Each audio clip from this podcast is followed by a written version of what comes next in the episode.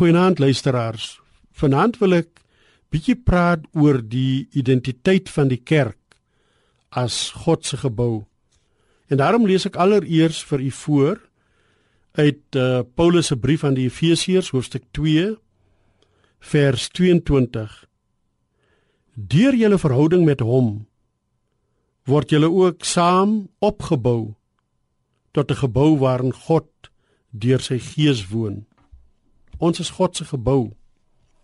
Die groot boodskap van die brief aan die Efesiërs is dat die geskiedenis nie doelloos voortwoeker nie, maar dat dit God se plan is om uiteindelik alles in Christus bymekaar te bring. Christus is daarom die kosmiese Christus wat oor die ganse geskape werklikheid heerskappy voer. En die kerk verkry 'n heerlike identiteit as die gebou van God.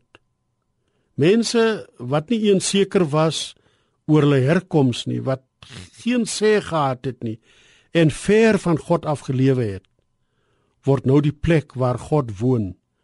Die woord het mens geword en onder ons kom woon. Hierdie wonderlike nuwe identiteit wat alle ander aansprake oorstyg, kom op grond van ten minste vier dinge tot stand. Nogmals, daar is 'n fundament of 'n hoekklip, Jesus Christus, want daarsonder sou die gebou nooit opgerig kon word nie.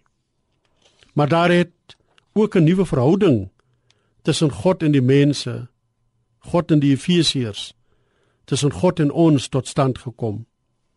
Dis per slot van rekening God wat die groot argitek is, die boumeester by uitstek. Hy bou ons op tot 'n plek waar hy self sy intrek neem.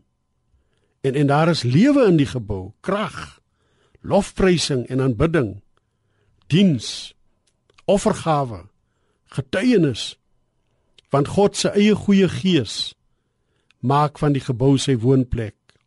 Here baie dankie vir die wonderlike identiteit wat U aan ons gee om God se gebou te mag wees.